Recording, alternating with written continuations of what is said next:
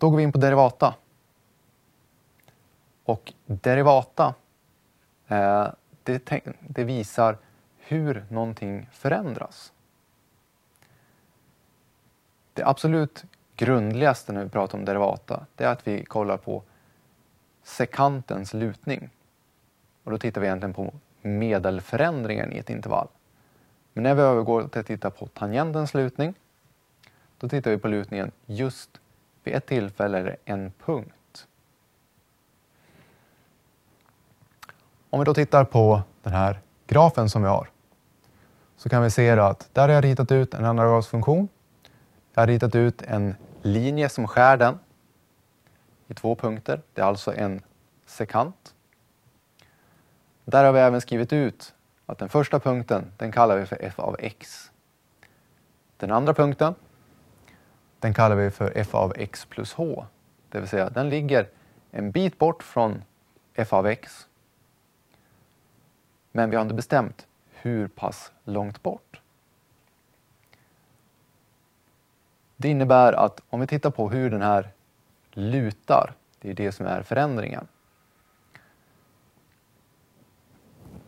Då beror ju den av, precis som när det hade varit bara en rät linje, räta linjens ekvation, så tittar vi på delta y genom delta x.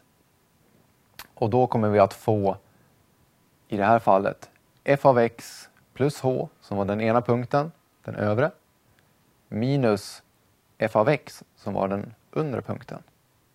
Det är delta y. Skillnaden mellan de här i y-led. Hur stort är avståndet i y-led mellan dem? Delta x, ja det kommer att vara skillnaden mellan x och x plus h. Den sträckan som är här, den kan vi kalla för h helt enkelt. Eftersom x plus h minus x, ja, det enda som är kvar det är h1. Men jag sa att vi är fortfarande på en sekant för att vi har två punkter. Så om vi låter de här eh, punkterna som vi har i koordinatsystemet, de närmar sig varandra mer och mer och mer. Och ju närmare de hamnar varandra, desto mindre blir det här h-värdet. För intervallet mellan punkterna minskar. Då säger vi att det här blir inte längre en sekant utan blir en tangent. Och det vi får räkna ut då, det är inte bara f av x plus h minus f av x delat på h, utan vi måste sätta en sak framför. Och det kallas för limes, som kommer av det latinska ordet då för gräns.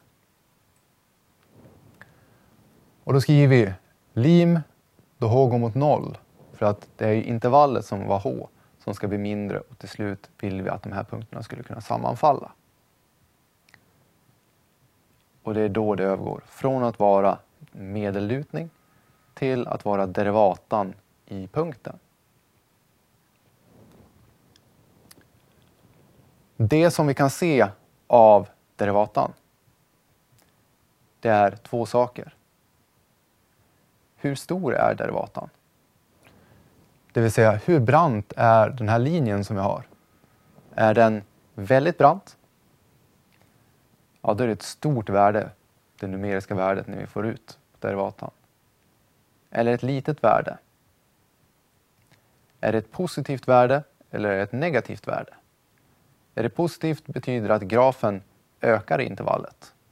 Den går mot större värden. Är derivatan negativ betyder det att funktionen är på väg neråt, den minskar.